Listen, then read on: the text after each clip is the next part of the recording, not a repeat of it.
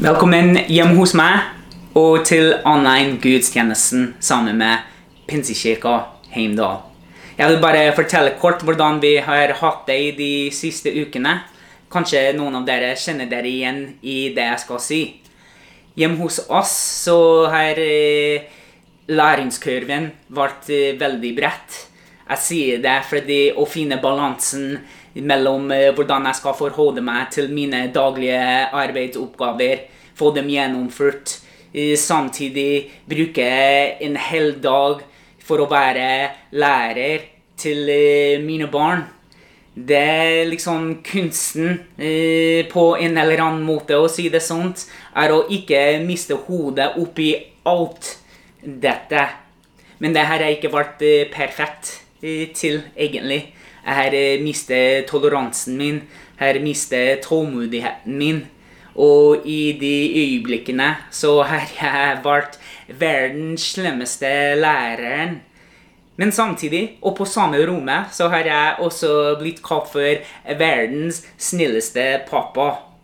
Og jeg har sagt feil, jeg har gjort feil, men jeg har vært veldig takknemlig for eh, de dagene som har vært i den tiden vi bor i nå.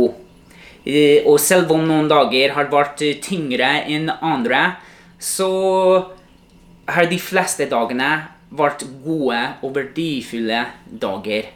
Eh, Det stemmer for de fleste av oss eh, at hverdagen har vært noe annerledes, og at eh, vi har ikke blitt helt vant til hvordan vi lever nå.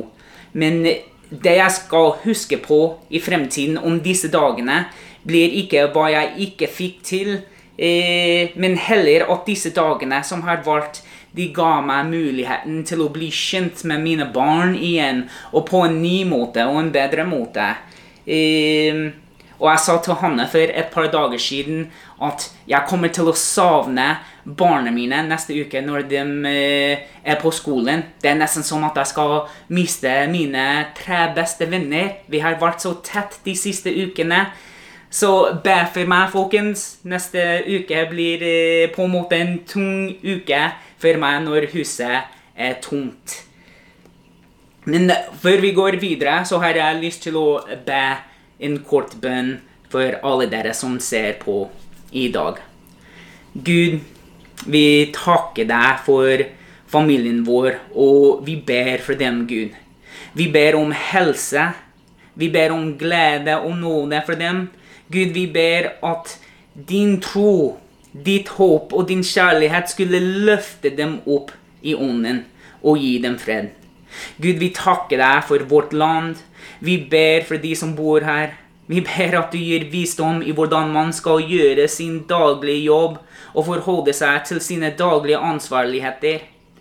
Vi ber at din tro, din kjærlighet, ditt håp, at det skulle fylle landet og folket skulle ikke bare høre om deg og ditt kall for livet deres, men at de skulle begynne å leve ut det kallet du har gitt dem, og hensikten du har gitt dem, Gud, til å bli kjent med deg. Takke deg for at du lytter til oss, at du sværer på våre bønner, og at du bygger oss opp i håp og kjærlighet. Amen. Eh, Forrige uke så satt jeg og barna ved lunsjbordet. Eh, og vi liker å ha litt småprat. Eh, liksom om hvordan vi har det hittil i løpet av dagen. Eh, hva har vært bra, ikke så bra med dagen.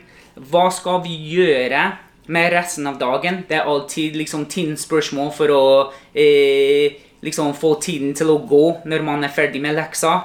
Eh, vi snakker om superhelter. Hva foregår med vår favoritt eh? Alltid litt tull og teis ved lunsjbordet. Så liker vi også å snakke om tro. Så vi ble ferdig med lunsjen for noen dager siden, og så tok jeg Bibelen eh, fram. Og så har jeg lest et veldig kort, men veldig kraftig vers fra Jakob-brevet.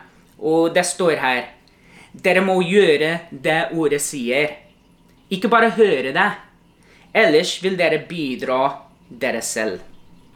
Det er et kort vers, ikke sant? Men det er et tydelig budskap. Vi kan ikke bare høre Guds ord og så gå bort fra det. Vi må forbinde å høre Guds ord sammen med å gjøre Guds ord. Så etter jeg leste verset, så spurte jeg mine barn hva betyr det for dere. Og de spurte meg hva mener du, pappa? Og så svarte jeg liksom hvordan kan du bruke det vi har nettopp lest, i livet ditt? Og det er et viktig spørsmål. ikke sant? Hvordan skal mine barn, hvordan skal jeg, hvordan skal dere bruke Guds ord til daglig? Og noen svarte jeg kan ikke bare si at jeg er snill. Jeg må vise andre at jeg er snill. Og noen andre sa jeg kan ikke bare si at jeg skal si gode ting om folk og til andre, men jeg må virkelig bruke min stemme og mine ord for å fortelle andre gode ting om seg selv og om Gud. Og den siste sa det er liksom når du, pappa, sier nå må dere gjøre flere mattelekser. Og selv om vi ikke vil gjøre det, så skjønner at hvis vi gjør det, så blir vi flinkere i matte. Mine barn på sju, åtte og ni år eh, har på en eller annen måte forstått hva det verset vi leste, betyr for livet. Eh, vi kan ikke late som det vi hører, er noe som vi ikke skal gjøre når det gjelder vår tro. Og vi har fått høre noe viktig om livet man får når de kjenner Jesus. Og så hva skal vi gjøre med den informasjonen? Hva skal vi gjøre med det budskapet vi har hørt? Og i Jakobs sitt brev, det er fem kapitler. Og hvert kapittel er en påminnelse at vi skal være gjørere av Guds ord. Vi kan ikke bare høre på Guds ord og lure oss at vi lever etter Guds vilje for livet. Om Guds ord skal være levende i vårt liv, da må vi sette det i praksis. Og Jesu budskap er ikke bare om at mann sitt forhold med Gud blir gjennombrettet, og så er det enden av historien. Nei, budskap starter med Jesus. Og på grunn av en tro, på grunn av et håp, på grunn av kjærligheten som Arve snakket om siste søndag, fortsetter den historien med dere og meg. Og når man hører om en tro på Jesus Kristus, en tro som forteller om en nåde så stor at det ikke bare tilgir oss for våre synder, men forsoner oss tilbake i et forhold med Gud. Når vi hører om et håp så kraftig at det vant seieren over døden, og en kjærlighet så dypt at uansett hvor vi er i verden, og hva vi holder på med, så kan den kjærligheten grepe inn med potensialet til å rette livet og trøste oss akkurat der vi er. Hva gjør du med Guds ord? Hva gjør du med budskapet du får høre om Jesus Kristus? Jakob i sitt brev han gir ikke plass for at man kan tenke at en tro på Jesus er bygd bare på fullelser. Jakob han bekrefter at et forhold med Jesus er ikke det type forholdet som du holder på med når du har tid for det. Jakob skriver tydelig i et kort setning at relasjonen mellom Gud og mennesker er bygd på at vi gjør det som står i hans ord. Det er bygd dag etter dag år etter år. Ved å være i Hans ord, lese det, ta imot det, tenk på det, og så gjøre det. Jakob vil ikke at vi skal løre oss selv med tanken at fordi vi sier de riktige ting, eller at vi tenker de riktige ting, at vi lever ut Guds ord. Det vi tror på, skal alltid føre oss til å gjøre de samme gjerningene som Jesus gjorde. Elsk hverandre. Hvordan skal vi gjøre det i kronetiden, når vi er hjemme hele tiden og får ikke lov til å møte andre? Ring noen. Fortell noen at du er glad i dem. Det betyr så mye for så mange å høre at de er elsket. Å gjøre Guds ord må ikke være så vanskelig. Ikke sett grenser på deg selv om hvordan du kan gjøre ting ut fra Guds ord, særlig når du tilhører en Gud som er uten grenser. Å følge Jesus krever handling. Bønn er noe som man har eh, mer enn nok tid til nå. Guds ord sier at vi skal være utholdende i bønn. Begynn ved å snakke med Gud. Fortelle han om det som skjer i livet nå.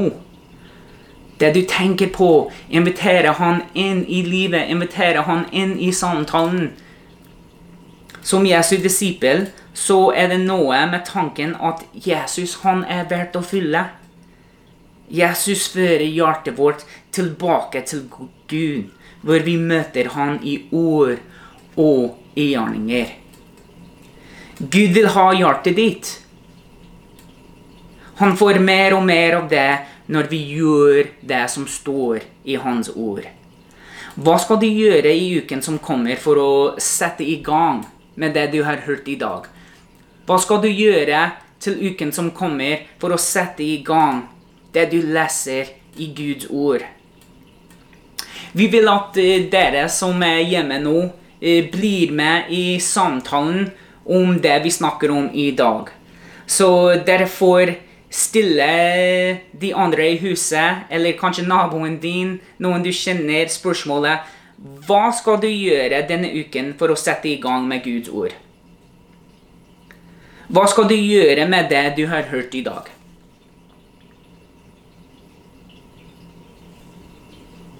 La oss be. Gud, vi kommer i vår ydmykhet med bønnen at vi trenger deg. Vi vil at du skal ta opp mer plass i livet vårt. La oss ikke bare høre ordet ditt og tro at det er nok. La ditt ord, la din ånd prege oss nok at vi gjør noe med, med det, og at vi setter gjerningen bak ditt ord. Gud, gi oss visdom i hvordan vi kan bruke ditt ord i vårt daglige liv. Og jeg ber at vi vender oss mot deg i bønn og i tilbedelse. Jeg ber at vi gjør det daglig, Gud, og at i det møter vi deg. At du fyller oss med glede og håp. At vi lever med stor tro og kjærlighet.